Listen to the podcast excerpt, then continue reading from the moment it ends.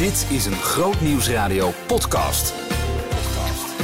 Zorgen voor je ziel. Met Ronald Koops en theoloog Reinier Zonneveld. Goedemorgen of goedemiddag, goedenavond, eh, goedenacht, wanneer je ook luistert naar deze podcast. Van harte welkom, goed dat je luistert naar de podcast Zorgen voor je ziel, waarin ik met Renier Sonneveld elke week weer een nieuw onderwerp bespreek wat iets te maken heeft met je ziel.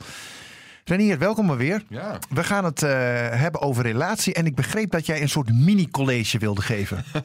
ja, we, we hebben dus vanaf nu houd ik mijn mond en als voorbeeldig leerling. Nee. Ja, precies. Nee, we hebben het wel vaker gedaan dat, dat echt een, een, eh, een, een soort theorie van iemand. Uh, ja. We hebben het wel met Bart Brandsma gedaan over polarisatie. Polarisatie, ja. En ik zou nu het boek uh, Hou me vast van Sue Johnson uh, willen bespreken. En eigenlijk een soort van samenvatten. Ja, dat is uh, een van de meest toonaangevende boeken als het gaat om relaties hè, op dit moment. Ja, zeker. het, het heet ook wel EFT, dus Emotionally Focused Therapy. Het is een van de beste onderzochte relatietherapievormen. Een van de meest voorkomende relatietherapievormen op dit moment in Nederland ook. En uh, als ik het goed heb, ook de enige die bewezen resultaten heeft, zeg maar. Of de enige die zo goed onderzocht is dat we ook goed weten uh, hoeveel effect het heeft. En het heeft veel effect. En er is dus ook een boek van, hou me vast. En dat kun je als het ware thuis doen. Dus mijn vrouw en ik hebben dat ook gedaan. En het is letterlijk een boek wat ik al, nou, zeker al tien keer aan mensen heb gegeven. Ja, ook aan mij. Uh, Althans, je hebt mij de tip gegeven. Nou, ik heb bij jou alleen maar een tip gegeven. Maar ik heb dus ik heb hem gekocht. Ja. ja, en wij gaan het binnenkort ook doen. Dus, uh, Supergoed. Maar ja. ik hoor dit. Dit is echt, het is echt grappig. Want ik hoor het, zoveel. En ik heb het dus al, ook wel letterlijk tien keer aan mensen gegeven. Dus gewoon aan vrienden die gewoon op, op verjaardag. Hier gaan jullie maar eens aan je relatie. Ja. En het is, je kunt het als een soort APK gebruiken. Dus van, in de zin van, uh, ja, weet ik veel. En elke de, de, de relatie kan nog heel goed zijn. En er kan toch gewoon verstoringjes zijn. Of dingen dat je denkt van nou, daar valt meer uit te halen als het ware. Ja. Uh, of dingen waarvan je denkt van ja, ik, ik accepteer dit. Of ik kan er prima een paar jaar mee leven. En ik heb er al een paar jaar mee geleefd. Maar nog 25 jaar vind ik wel vind ik eigenlijk te veel. Ja, ja, ja, is niet ja. goed. Uh, of, het kan, of het kan natuurlijk gewoon echt een crisis zijn. Ja, nee, ik moet een beetje lachen, want er, is, uh, er ging zo'n filmpje rond een keer op uh, internet. Er werd zo'n man van middelbare leeftijd geïnterviewd, laten we hem Henk noemen. Ja. En dat was allemaal in scène gezet, maar het leek wel heel echt. En de interview vroeg Henk, je bent nu 20 jaar bij Ans. Ja. Um, en ik heb twee opties voor je. Nou. Voor je. Optie A is de komende 20 jaar ook bij Ans. Of optie B. En toen zei Henk, uh, optie B, optie B, optie B. Bijna helemaal gefrustreerd. Maar goed, kan dus. Die zo, moet dan zo, het boek Hou me vast van ja, John. Precies, ja. ja. Nee, maar het is ook leuk om te merken, jij bent gewoon echt uh, gegrepen door het boek. Het ja. is ook geen uh, commercieel praatje voor het boek. Je hebt niet aandelen nee, bij de uitgeverij. Nee, Dit programma wordt mede mogelijk gemaakt door... Nee, nee. Ik, ik maar, wat, iets heel knaps. Maar vertel eens, wat, wat is er zo bijzonder dan aan dit boek Hou me vast? Wat ze technisch doet, theoretisch gezien, zeg maar, is dat ze de, de oude hechtingstheorie van Bowlby, dat is die, die voor kinderen is geschreven. Dus dan gaat het over hechtingsstijlen. Kinderen kunnen zich veilig hechten aan hun ouders en onveilig, om het heel simpel te zeggen. Uh, dus je kunt een goede band hebben, maar ook een te losse of een te nauwe band met je ouders hebben. Mm. Om het even heel erg uh, ja. heel simpel te zeggen. En alle gevolgen daarvan op latere leeftijd natuurlijk. Exact. Ja. Um, en dat gaat zij op volwassen relaties toepassen. Dat is eigenlijk haar vondst. Oké. Okay. Uh, en dan zegt ze: elke relatie is, um, is een vorm van hechting. Uh, en het ligt enorm voor de hand. Maar dan. Uh, en, en je kunt daarin onveilig gehecht zijn aan een ander. Of onveiligheid ervaren. En het kan om, om veiligheid gaan. En dat zijn dan kernwoorden geworden. Dus op het moment dat je. Um, een of ander, ja, hoe moet ik het zeggen? Nou, eerst maar eens, dit is een van je basisbehoeften. Net zoals je. Het aangaan van een gezonde relatie. Een gezond gehechte relatie is een basisbehoefte, net zoals eten of, Ja. of uh, slapen of, uh, of, of ademen een Ja. basisbehoefte is. En je kunt niet zonder. En, en, en het gaat heel vaak ook mis. Dat bedoel ik niet oordelend, Zeker. maar gewoon beschouwend. Ik, ik heb ooit Wilco van der Kam geïnterviewd en hij zei het zo treffend. Hij zegt, onze maatschappij staat bol van de relatiepijn, zei hij. Ja, zeker. En dat is ook echt wel zo. En, en dat voelt als, uh, of dat zit heel dicht tegen doodgaan aan, zal ik maar zeggen. Want dat is voor, en dat is voor een kind. Doodgaan zelfs, wauw. Nou ja, dat is een soort doodsangst, laat ik het zo Oh, zo, ja, ja. Dat is het voor, het, uh, dat is het voor een kind ook. Weet je? Op het moment dat een kind dat het niet veilig is met die ouder. Ja, een baby is dan reddeloos verloren, letterlijk, zeg maar. Dus we zijn ook gewired op de relaties moeten goed zijn, want anders zijn we reddeloos verloren. Vroeger op de prairie, om het zo maar te zeggen. Mhm. Ja, op het moment dat jij niet bij je stam zat, dan was je letterlijk gewoon reddeloos verloren. Je kan niet in je eentje overleven op de prairie. Ja, maar God heeft ons ook zo gemaakt, denk God ik. heeft We hebben elkaar nodig. God heeft Adam en Eva gemaakt, niet alleen Adam, zou Nee, zeggen. Dus nee. het is, we zijn gemaakt op relaties. Ja. En, ehm, en Maar even terug naar dat Ja. boek. Zij, zij heeft het dus over de hechtingen in relaties. En Ja. wat, wat, is haar, wat is haar theorie? Ja, daar gaan we het nu Nou, natuurlijk eh, over hebben. Dat Maar is heel in het kort. Dus dat eigenlijk stel je de vraag... eh, in elke relatie stel je eigenlijk voortdurend de vraag... ben je er voor mij? Op het moment dat het niet goed met me gaat... eh, sta je dan voor me klaar? Dat is eigenlijk de vraag. Ben jij veilig voor mij? Dat is de vraag die je in elke relatie stelt. En... eh, en waar het misgaat is dus op dat, op dat gebied. Dus dat zijn dus ervaringen dat je merkt dat de ander er op een gegeven moment even niet voor je is. Dat hij afwezig is. Dat hij niet voor je klaar staat op het moment dat het niet goed gaat. dat die ander het wel nodig had, dus eigenlijk Exact. ook. En, en daarbij komt dan nog bij dat op dit moment zijn liefdesrelaties zijn eigenlijk de, vroeger eh, woonden we in stammen of in dorpen Mhm. waarbij je een stuk of 100 of 150 peers had om je heen waar, waar je heel intensief waar je ook op kon terugvallen zou ik maar zeggen. Ja, een soort je- sociaal netwerk. Ja, je ziet dat zeker mannen op dit moment, maar ook vrouwen op dit moment veel minder eh, contacten hebben eh, op dat niveau als we toen hadden. Dus veel minder veilige plekken, dus veel minder vrienden. Eh, om, het heel, om het heel simpel te zeggen, die eh, waar je op, kunt terugvallen. Dus dan wordt je liefdesrelatie, moet eigenlijk, wordt, daar komt dus steeds meer spanning op. Dan, die Ah, moet ja. aan steeds meer dingen voldoen. Die Dan moet je meer- daarvan hebben, zeg maar. ja, die moet aan steeds meer emotionele behoeften moet die bevredigen. En, en ja, logisch. Weet je wel, dat, dat is ook gewoon wat echt moet gebeuren. Dat Ja. is niet een soort kritische van, dan moet dat ook nog je emotionele behoeften worden bevredigd. Nee, Mm. je moet eten en je hebt een veilige plek nodig. En, ehm, en als er dus iets misgaat, gaat het daar dus mis. En is die vraag, ben je er voor mij? Daar heb je dan iets in ervaren. Nee, die ander is er, was er op een gegeven moment toen niet bij mij. En dat, ik heb veel stellen eh, gesproken. eh, vaak dan één van beide stellen. Ik, ik ben natuurlijk geen relatietherapeut. Voor, dat, zal, eh, dat zal helder zijn. Maar dan is er altijd, zijn er dat soort herinneringen. Ja, toen en toen had ik diegene nodig. Ja. Maar die was aan het werk. Of die, of die snapte me niet. Of die, die ging gelijk adviezen geven. Of wat dan ook. Ja, Dus je dat- voelde je niet gehoord en gezien en je voelde je eenzaam ja, daarin. en, en dan gaat er dus iets mis. Dan, ja, dat kun je dan dus in, in, de, in de theorie van Sue Johnson een hechtingskwetsuur noemen. Het aparte is wel dat wij in een maatschappij leven waarin vooral de nadruk wordt gelegd op persoonlijke autonomie. Ja. We moeten voor onszelf zorgen, Ja. we moeten onze eigen boontjes doppen. Jij moet carrière maken in een loopbaan. Maar zij zegt eigenlijk een beetje tegen de trend in: nee, we zijn emotioneel afhankelijk van elkaar. Nou, dat vind ik super interessant aan wat zij doet. Want het- eigenlijk een cliché in veel relatietherapie, wat ik begrijp, is dat, dat er eh, heel veel wordt gezegd: van, ja, het gaat om goede grenzen hebben. En, en, en je moet maar vooral heel, eh, heel, heel autonoom zijn in een relatie. En dan, en dan ga je onderhandelen met elkaar en dan kom je er wel samen uit. En zij gooit Weet je, de zakelijke insteek eigenlijk. Ja, en zij zegt niet zozeer van nee, je moet maar vooral heel, eh, heel afhankelijk zijn van elkaar. maar je moet gezond afhankelijk eh, zijn van elkaar. En wat is dat dan? Gezond afhankelijk? Ehm, nou, is de- uiteindelijk is dat dat je. Nou, dat gaat heel erg over dat je, die, dat je er voor elkaar bent, uiteindelijk. Dus ja, eh, dus elkaar zien, er, er zijn voor elkaar. Op het moment dat, dat het spannend is, eh, dat je elkaar emotioneel kunt ondersteunen. Eh, dus dat gaat eh, concreet over veel tijd met elkaar, eh, eh, met elkaar doorbrengen. Maar ook eh, ja, op het moment dat er een spanning is, dat je dat kunt opvangen. Want natuurlijk ben je het wel eens met elkaar oneens. en dan, dat kan escaleren, zeg maar. In de zin van dat het inderdaad over hechting vervolgens gaat. En dat, je, eh, dat het jij tegen mij wordt. Dus dat, dat, je, Hmm. dat, het, Dat het persoonlijk wordt? dat het persoonlijk wordt. Of teruggrijpt op je eigen geschiedenis, waar heel veel pijn nog ligt misschien? Weet je, want ja, we hebben allemaal ook nog weer blauwe plekken van vroeger. Van momenten die je, Ja. die je, hebt, eh, die je hebt meegemaakt. Ehm, maar in een veilige hechting kun je dat even meemaken. Dan is er even afstand en dan snap je elkaar even niet. Maar heb je ook de tools in handen om weer vervolgens nader tot elkaar te komen. Hmm. En kun je voor mij het even sorry zeggen. Of zeggen van, hey joh, eh, ik, bedoel het niet zo. Of van... eh, Ja. Of gewoon simpel, zullen we het niet te groot maken? Want, want ja, eh, het is uiteindelijk ook maar een meningsverschilletje. Ja. Of een onderhandeling over wie de afwas doet. Of Ja, ja, ja, ja, ja, precies. Ehm, Dus het zijn uh, momenten uh, nou ja, waarin je de liefde viert, waarin je hechting viert, nabijheid viert, waarin je ervaart, die ander is er voor mij, die vindt die vindt mij prettig gezelschap, eh, die, die, die, houdt van mij, die is er voor mij. Ja. Wat je, eh, ik had laatst in de uitzending een relatietherapeut die twintigers begeleidt, jonge stellen. En die zei dat het daar vooral de trend is dat eh, ze hebben beide een loopbaan, ze hebben beide een carrière. Mm En er wordt heel duidelijk op minutieus niveau afgesproken, oké, als jij de vuilnis buiten zet, doe ik de afwas. Oh en jij haalt de kinderen op, maar dan breng jij ze. En ja daar gaat het ook vaak mis, zei ze. Omdat we in een soort onderhandelingscultuur zitten. Klopt. Dus ik, ik, ik, zou zeggen dat dat dan in de kern... Ik, ik zou vermoeden, en of even van een afstandje bekeken... dat het in de kern dan ook gaat over gewoon te weinig tijd met elkaar doorbrengen. Ja, zeg maar. dat zei ze ook, ja. Dus, dus, dus dat, dat dat eigenlijk de kern is. Dus dat je als het ware te weinig voorraad aan hechting hebt...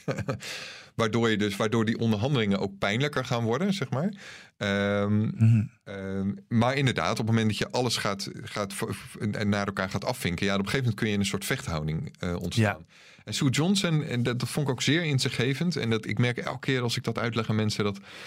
Uh, dat, ze, dat dat ook een soort van is van dat de schellen van hun ogen afvallen. Van oh, doen we dat de hele tijd? Want Sue Johnson noemt dat duivelse dialogen.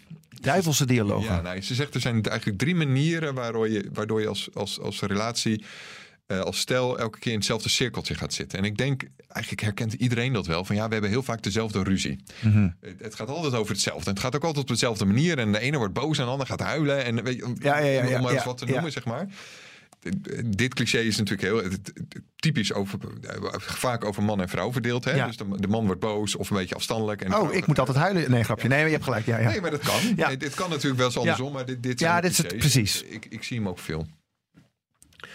En zij zegt dan van ja, in de kern kun je op twee manieren reageren op een, op onveiligheid. Of op een bedreiging van de hechting of de bedreiging van je band. Ja, want dat is het uiteindelijk. Hè? Het is een stukje onveiligheid ontstaat. Ja, je ervaart onveiligheid. Dus de ander is, is er te weinig voor je. Eh, je merkt op een gegeven moment, je bent voor mij part uh, onrustig over je werk. Maar de ander is zelf heel hard aan het werken. En dan denk je, maar is die ander, de ander is er niet voor me. Ik wil even, ja, ja, ja. Ja, of die ander die zegt van ja, nou, maar we hadden net onderhandeld dat, uh, dat dat en dat moest gebeuren. Dus doe, dat moet jij nu ook doen. Ja, of die gaat het vergelijken. Hoezo is jouw werk onrustig? Moet je bij mij weer kijken. Ja, maar er zijn dan twee manieren, zeg jij. Daar, en daar zie je al, dat is, dan, dan zit je eigenlijk al in een duivelse dialoog als dat soort dingen gaan gebeuren. Hij zei, maar er zijn in de kern al twee manieren hoe je op bedreiging kunt reageren. Namelijk, één is als daar in de aanval gaan en ervoor gaan vechten. En, en, en dus een soort hele stevige energie. En de andere is je terugtrekken. Ja. Wat ook in het algemeen vaak geldt, hè? vluchten of vechten of bevriezen inderdaad. Ja, nou, zeker. Ja. En, uh, en uiteindelijk, uh, en, en dat kan zich uiten volgens in, want als je dat dan plus en min, dus zeggen we, dus uh, als je, laten we de ene A noemen en de andere B noemen. Als ja. je A, dat kan AA worden, AB worden of BB worden. Dus dat werkt zich dan vervolgens uit in drie dansen als stel, zou je kunnen zeggen. Waarbij op het moment dat als het ware beide ervoor gaan vechten, Oh ja, dat is AA bijvoorbeeld. Dat is AA. Dan, dan raak je in een, in een proces wat je dan zoek de boef kunt noemen. Of zo noemt uh, Sue Johnson het dan. Dat is dat je ook allebei gaat beschuldigen. Oh ja. Ja, uh, dus dan, de, ja, maar jij hebt nooit aandacht voor mij. Ja, maar jij, uh, de, de, jij werkt ook altijd veel te hard. Ja, ik hoor dat ja, maar... nooit en altijd ook hierin meteen. Zeker, zeker. Dus, dat is, dus zo kun je hem ook doen. Hè? Dus dat is wat veel. Sue Johnson heeft het daar helemaal niet over. Dus dat is eigenlijk een soort van wat de klassieke uh, relatietherapie vaak doet. Is vaak wat formeel op dat soort op taaldingen zitten. Ja. Maar dat is wel een manier waarop je ruzies kunt herkennen. Dat er als er altijd, nooit, heel, uh, weet je wel, voortdurend ja. uh, wordt gezegd, ja. dan, dan weet je dat je eigenlijk aan het escaleren bent. Ja. En dat je vastzit in een van deze drie duivelse dialogen. Ja, dus je kunt zeg maar samen vechten tegen elkaar en dan ja. zoekt de boef. En, en, de andere optie is dat de een vecht en de ander vlucht bijvoorbeeld. Exact. En dan, eh, dat noemt zij de protestpolka. Uh, dus bij de, een polka, dan, dan stapt de ene veel achter, achteruit. Hè? En dan stapt de ander weer achteruit. En zo ga je zo heen en weer. Even tussendoor bijzonder dat ze dat met dansen vergelijken. Ook heel ja. mooi. Wel, ja. Het is heel concreet en mooi. Um, waarbij je zegt van ja, de, de, het is eigenlijk negatieve aandacht trekken, zou je kunnen zeggen. Wat je, wat je bij kinderen dus ziet. Maar als volwassenen kunnen we dat ook uitstekend. Dat is ook weer, het kan zijn kritisch op de ander zijn. Of juist een, een toereiking doen. En de andere die gaat verstijven. Die gaat rationeel doen. Of die, die, die, die gaat zich in elk geval emotioneel afsluiten. Want die, die, die, die weet het niet meer en die voelt zich, nou ja, die voelt zich bedreigd daardoor. Ja, ja, ja, ja. En de ander gaat dan nog meer protesteren en de ander gaat zich nog meer terugtrekken. Ja, precies. Ook deze zie ik regelmatig. Dus, het, het kan, dus je ziet hem wel in, in, in als de ene gaat bijvoorbeeld heel emotioneel doen en de andere heel rationeel doen. En van ja, nou, maar dit kunnen we toch wel verstandig oplossen. Ja, ja, Eh. De protestpolka. Hm. En de andere die, die wordt dan heel irrationeel en, en de andere Ja. wordt dan steeds kouder. En, En die denkt, doe jij eens even normaal. En, eh, Exact. Ja, ja. Nou Ehm, dat is een duivelsdialoog, want die, die, die je tientallen, honderden keren kunt doen. En als ze beide vluchten, kan dat exact. ook? Dat is dus de derde. Dat is de derde. Eh, en, dit- en die is wel vaak de meest de- destructieve. Ehm, het is niet zozeer vluchten, maar je, je terugtrekken. Dus je emotioneel Ah, ja. afsluiten is dat. En nou, zij noemt hem dan verstijf en, verstijf en vlucht. eh, In de zin van, er is eigenlijk een dodelijke stilte ontstaan. Eh, de, de, de dansvloer is verlaten. Ah, ik maar zeggen. ja. Dus het is, het is een soort van laat maar. Dus de, de ene, de zoekt de boef, die zegt: Jij hebt het gedaan. Nee, jij hebt het gedaan. Je hebt de protestpolka die zegt: van, Help me nou. En dat die rammelt aan de deur. En, En de andere zit heel cool. Nou, van, nou, ja, eh. ja, ja, ja, ja. De verstijf en vlucht is, is, is Ja, laat maar. En dat zijn van die verhalen die ik ook wel eens hoor van eh, mensen die je kent. Die zeiden van, eh, mijn ouders konden soms vroeger een week niet met elkaar praten. Ja, nou ja, dat, da- da- Wauw, daar denk zit ik hij wel. Zo. Hij kan ook wel, dat zou ook wel een zoek de boef kunnen zijn. Hè? Dus dan is het, of, dus dan is het eh, wie, wie, het lang, wie het langst kan volhouden. Dat Die wint. Ja. Die wint en die moet dan sorry zeggen. En dan Ja. Je kijkt er heel zeurtig meteen bij. Een pruilupje. Ja. Nou, ja. ik zeg hem, ik doe een pruilepje omdat het, er gebeurt inderdaad iets kinderachtigs op dat moment. Ja. We zitten in ons kind-ik, zal ik maar zeggen. We zijn gewoon niet helemaal volwassen en, en, en, en gezond bezig. Ja. Maar we kennen hem allemaal, we doen hem ook Waar we allemaal. het eigenlijk de vorige podcast over hadden. Niet je volwassen ik is aan het woord, maar je impulsieve, kinderlijk ik dat recht wil halen. Dat, ja, ja. Die gaat dan, en, en, maar die ook, nou niet een recht wil halen, die ook echt hechting zoekt. Die zoekt veiligheid. Hm. Dus die is, die is gekwetst op dat moment. Hè. Die, die, er is iets gebeurd in die hechting tussen jullie, waardoor het onveilig wordt. En, dan, en dat gaat ook altijd over angst. En doodsangst kan dat zelfs zijn. Want je hebt dat als mens net zo nodig als, als ademen en eten en weet ik veel wat. Je hebt hechting nodig. En op het moment dat daar een verstoring is, ja, dan ga je heel snel eh, in een van die drie di- dialogen. eh, Maar het lastige is ook nog een keer dat eh, mannen en vrouwen enorm verschillend zijn. Ja. Wat je vaak hoort, de vrouw ervaart iets als een probleem. Ja. En de man die in plaats van dat hij zegt, heel invoelend, wat vervelend voor je, zegt hij, ja, maar eh, als je het nou zo en zo en zo had aangepakt, dan was dat nooit gebeurd of zo. Weet je wel? Dus Ja, je komt dus- meteen met een soort precies. oplossing. Ik, ik merk dat Sue Johnson is heel eh, genderneutraal, heet het tegenwoordig. Dus Ja. zij heeft het helemaal niet over eh, typische mannen- of vrouwenrollen. Of nauwelijks heeft ze het erover. Eh, dit is wel eentje die ik, die, die, die ik wel zie, natuurlijk. Ja. En, en dus het- hij gebeurt wel vaak, maar hij kan ook wel precies andersom zijn. Ja, tuurlijk. En ik zou zeggen dat dit de protestpolka is. Ja, ja precies. Dus de, ja. de vrouw rammelt dan aan de deur en de man die, die doet een beetje alsof er niet echt wat aan de hand is. Ja, ja, ja. Interessant. Waar, waar gaat het vaak mis? Als je kijkt naar eh, relaties of huwelijken. Of- dit, dus. Dit, dit- dit is het. dit is Op het moment dat, er, dat mensen een probleem ervaren, is het eigenlijk altijd zijn ze bezig met zo'n eh, duivelse dialoog. En dat is ergens begonnen bij een hechtingskwetsuur, zou ik maar zeggen. Dus je hebt ergens onveilig gevoeld en je bent daar op een onhandig, je bent in een dans geraakt met elkaar die niet, eh, die, die, die, niet handig is. Ja, de vraag is natuurlijk dan ook van, jij zegt het is altijd bijna altijd terug te voeren op deze soort van dans. Ja. Eh, dan zit je ook in een patroon met elkaar. Hoe kun je dit doorbreken? Nou ja, dat, er gebeurt al heel veel op het moment dat je dit herkent. En eh, dat geeft dan een soort lucht.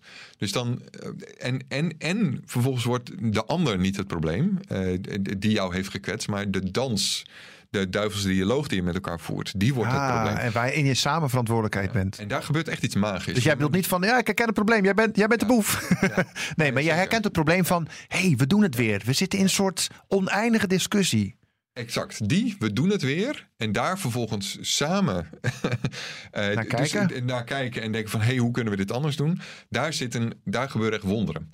Dus ik heb letterlijk eens een keer een, eh, een stel meegemaakt... wa- waar we dit gesprek hadden. En ze, ze zaten eerst de hele tijd eh, nou, eigenlijk van elkaar afgekeerd. Dus elkaar niet aan te kijken. En op een gegeven moment keken ze letterlijk naar een soort plek tussen hen in. En dat, eh, toen ze het hadden over de, de, de, duivelse dialoog die ze hadden. Dus op een gegeven moment was het niet meer dat zij elkaars vijand waren. Dus de ander moest weg. Eh, maar ze keken naar, samen naar dat ene probleem. En daar hadden ze het over. En, en vervolgens keken ze naar elkaar. Ja, wauw. Nou, die, de, die beweging. Die beweging van helemaal uit elkaar naar Ja. één plek en dan naar elkaar. Ja. Dat, daar, daar, daar gebeurt. En dat, ik zag dat dan heel letterlijk gebeuren. Want, en, maar, maar je kunt dat regelmatig zo letterlijk zien gebeuren. Want we zijn als mensen. lijken we natuurlijk op heel veel manieren op elkaar. Ja. Maar daar gaat hij dus herkennen waar ben je nou mee bezig. Eh, voor een deel ook waar komt het nou vandaan en dat leren uitspreken. Hè? Van ja, ik, het zijn pijnplekken. Ik heb blauwe, ik- iedereen heeft blauwe plekken en gevoeligheden. En dat Vanuit de jeugd, zullen we zeggen bijvoorbeeld. Of, of- vanuit jeugd, maar ook vanuit de relatie zelf. Dus het kan zijn, weet ik veel, stel Hmm. je voor dat je vader je eens een keer eh, alleen he- op een station heeft achtergelaten. Ja, dan kan volgens een pijnplek later in je leven zijn dat. Weet ik veel wat. Je, loopt met je vrouw eh, in de supermarkt. En, en, en, zij, eh, en zij is even in een andere, eh, ander schap verdwenen.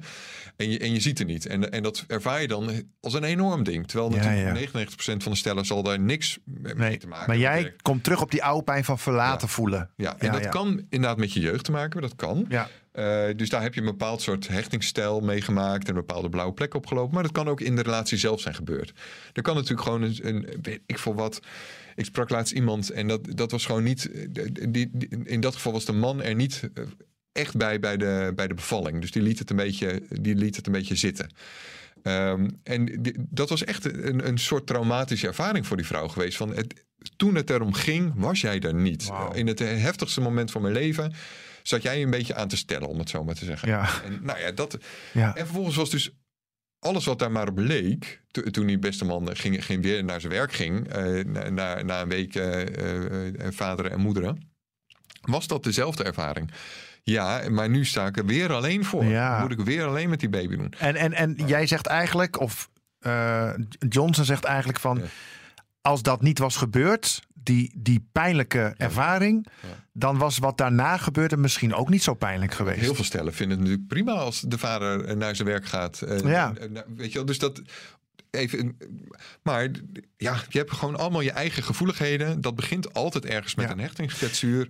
Ja. En je eigen triggers heb je. Maar hoe, hoe herken je die pijnplekken van een ander of misschien wel van jezelf dan? Want dat lijkt me best wel ingewikkeld. Nou ja, voor een deel is dat. Je, je kunt dus merken op het moment dat je in een, in een eh, protestpolka, eh, of, of althans in een duivelse dialoog eh, eh, raakt, merk je dat, het, dat de, de emotie in het, in het gesprek omslaat. In het begin ben je nog gewoon met een gesprek bezig of een onderhandeling. En op een gegeven moment wordt de, de, iemand wordt boos of gaat huilen of Ja. daar gebeurt iets. En dus dat kan een alarmbel zijn. Dat je denkt, hé, hey, wacht even. En waarschijnlijk gaan we nu het, hetzelfde spelletje weer doen, zeg maar. Dezelfde dans weer doen. Maar ja, dat, dat- lijkt me dan ja. wel lastig om dat dan aan te geven op dat Ja. moment. Want dan Ja. is er al zo'n gespannen Zeker. sfeer of zo. Ja, en het kan wel, want je hebt altijd die mogelijkheid. Dus je hebt altijd de mogelijkheid om er even uit te stappen, even weer je volwassen ik te worden. En dat is voor een deel oefenen. En, en soms kan de ene dat maar, en die zegt van, hé hey joh, hè, we doen het weer. Zullen we, zullen we het even over hebben waar dit nou vandaan komt? Wat was nou, wat zei ik nou? Een, st- een stukje metacommunicatie eigenlijk. Je gaat er een beetje boven hangen met Ja. elkaar. En je, Ja, en wat zei ik nou waardoor jij, waardoor, wa- wat raakte jou nou? Wil je het uitleggen? En, en dan proberen dus op het niveau van hechting te praten. Van ja, het doet me pijn als, eh, als, als je dit zegt. Ik heb er verdriet over. Het heeft te maken met dit en dit en dit van, van wat we eerder Ja. hebben meegemaakt. dus ook ik-boodschappen vanuit jezelf. niet Niet van jij zal nooit luisteren, maar... Precies, het- als je gaat verwijten, dan ga je, dan ga je in, die, in de zoek de boef zitten, zeg ja, maar. ja, precies. Maar je doet ook altijd nee, gewoon rustig proberen te vertellen van wat. Hè, want je hebt ooit eens aangeleerd, er is ooit eens wat gebeurd. Je hebt je aan jezelf als het ware beloofd: dit nooit weer, dit gaat nooit weer gebeuren. En dan gebeurt het weer, dan bam, je schiet je Ja. emotie in. En je gaat een duivelse dialoog voeren. Dus erken in elk geval Mm. die gevoelens. Weet Ja. je wel, laat, laat die er zijn. En, en ook van de ander. Ja, dit, Ja. dit is wat alle stellen hebben, zeg maar. En dat wat je altijd hebt. Ja, ja, ja. ja. Alle stellen zitten wel eens in zo'n duivelse dialoog. Dus, nou, en Is wij- helemaal niet erg ook. Nee, dat kan gebeuren. Nee, Dit nee, is wat nee. we doen. En dan ga je doorvragen bij de ander. Oké, wat, wat is hier nou? Weet je wel, wat? Oké, oké, snap ik het. Ja, nou, niet helemaal, maar, maar een beetje wel. Mhm. En vervolgens kies je er samen voor eh, om het anders te doen. Dus de, de dans zelf. Het, Om er samen ook uit te komen. om er samen uit te komen, de dans zelf wordt het probleem. Dus hè, wat ik vertelde, dat stel wat ik zag, wat eerst met de rug tegen elkaar aan zat. Op een gegeven moment keken ze samen naar, naar ja, als het ware een soort denkbeeldig onderwerp. Ja, ja, ja. En vervolgens keken ze naar elkaar. Nou, die beweging kun je altijd maken. Wauw. Je hebt daar een immense vrijheid als, als mensen in. Die, die, die beweging kun je altijd maken. Ja. Nog even dit. Ehm, We hebben het nu best wel over problemen gehad, hoe je dat Ja. kunt oplossen. Zijn er ook dingen waarin je zeg maar, of waarin zij in, haar boek ook zegt van daarin kun je een soort van investeren of zo? Of, of dingen vieren misschien wel? Nou, zeker. Dus het, ja, je gaat dus, als het misgaat, ga je dat op deze manier proberen op te lossen. Hè? Eh, maar, nou ja, één, één moment is je heel bewust zijn van wanneer, je, wanneer er iets met hechtings gebeur, hechting gebeurt, om het zo maar te zeggen. En dat is eigenlijk altijd op eh, samenkomstmomenten of terugkomstmomenten of eh, momenten van afscheid. Een hechting bedoel je dus tussen de, in, in de relatie, zeg in de maar. relatie. Ja, ja wanneer gebeurt, wat zijn nou kernmomenten in een relatie? Wanneer komt er iets tussen jullie in te staan? Dat is eigenlijk. of- Nee, of- ja, nee, het gaat echt over fysiek eh, afscheid nemen of Ja? bij elkaar weer komen. Oh, dat, zijn kern, dat zijn draaipunten in een relatie. dat moet je dan toch even uitleggen. Ja, doe dat aandachtsvol. Dat is eigenlijk heel simpel wat je zegt. Maak daar een soort kleine rituelen van. Dus op het moment dat je afscheid neemt, heb je daar aandacht, doe je dat aandachtsvol. Ja. Je geeft elkaar een omhelzing. Niet van de deur achter je dicht en een appen van je, je hebt wel gemerkt, ik, ik, ben weggegaan. Dus, dus momenten van. mooi ritueel. Over, ja, dat- precies. Ja. De, de momenten van hechting, doe dat aandachtsvol. Dus neem afscheid, kijk elkaar echt even gewoon in de ogen. Neem daar gewoon, eh, eh, want dat, ik bedoel, dat, dat kan iedereen. Weet je wel, het kost voor mij per 30 seconden, zeg maar, maar doe dat aandachtsvol. Ja, weet je hoe druk ik het heb? Kom op zeg. Nee, geintje. Eh, Maar ook gewoon kleine momentjes van, hey joh, ik heb even wat klaar, voor je klaargezet daar en daar. Of gewoon een briefje even achterlaten. Een gesprekjes van, hey, hoe was je dag? D- Ja, maar eigenlijk ook- heeft het alles met gezien en gehoord Exact. voelen ook, hè? Exact. Dus Ja. ga, op het moment dat het over afscheid of nabijheid gaat, maak daar iets van. Maak er gewoon een klein ritueeltje van. Maar ga ook regelmatig op een dag gewoon even aandacht voor elkaar. Hoe was je dag? Hoe vond je het? Hoe, hoe is het? Eh, zorg dus dat je als je aan tafel... Dus zit ook als gezin bij elkaar aan tafel, om het heel simpel te zeggen. Eh, eh, ga niet achter de tv. eh, maar dus laat het, laat het moment van eten kan een van die momenten zijn. Aan het einde van de dag even naar elkaar kijken. En, en ook regelmatig, dit- dat, dat, dat zijn dan de, de, de supermomenten. Dat je gewoon even met elkaar weg bent. Of even Ja. een soort bijzondere. Dus dat, kan, dat kunnen ommetjes zijn. Weet je, mijn ouders die, die lopen het Pieterpad. Ja, nou, dat, is, dat, is hun taal om, om nabij te zijn. Dus Hmm. dan zijn ze gewoon lopen naast elkaar of achter elkaar. En het Pieterpad is een heel pad van, van, Ja, van eh, door heel Nederland, ja. Limburg. Eh, en dan lopen dat in stukjes, eh, steeds een paar uur. En dat is hun manier eh, van quality time, om het zo maar te zeggen. ja. Dus het hoeft ook niet ingewikkeld en met weekendjes weg en alles. Wel, nee. dat is echt niet nodig. Ook Dat een kan. blokje in je eigen wijk bij wijze van spreken. Exact. Even samen. Mijn vrouw en ik hebben het jaren gedaan. En, en nu, omdat we een kind hebben, is het gewoon lastiger. Maar eh, we hebben gewoon jaren, gewoon gingen we regelmatig elke week eh, een paar keer, maakten we een ommetje in de wijk. En dan was dat gewoon, en het streven was om elke keer net een ander ommetje te maken. Ja, ja, ja, ja Dat precies. is dan net, weet ik veel, dat, dat was dan een soort... Nee, maar ik wil hier links. Nee, maar ik wil rechts. Ja. En dat is echt, dat zijn, eh, Ja. dat zijn de gouden momenten.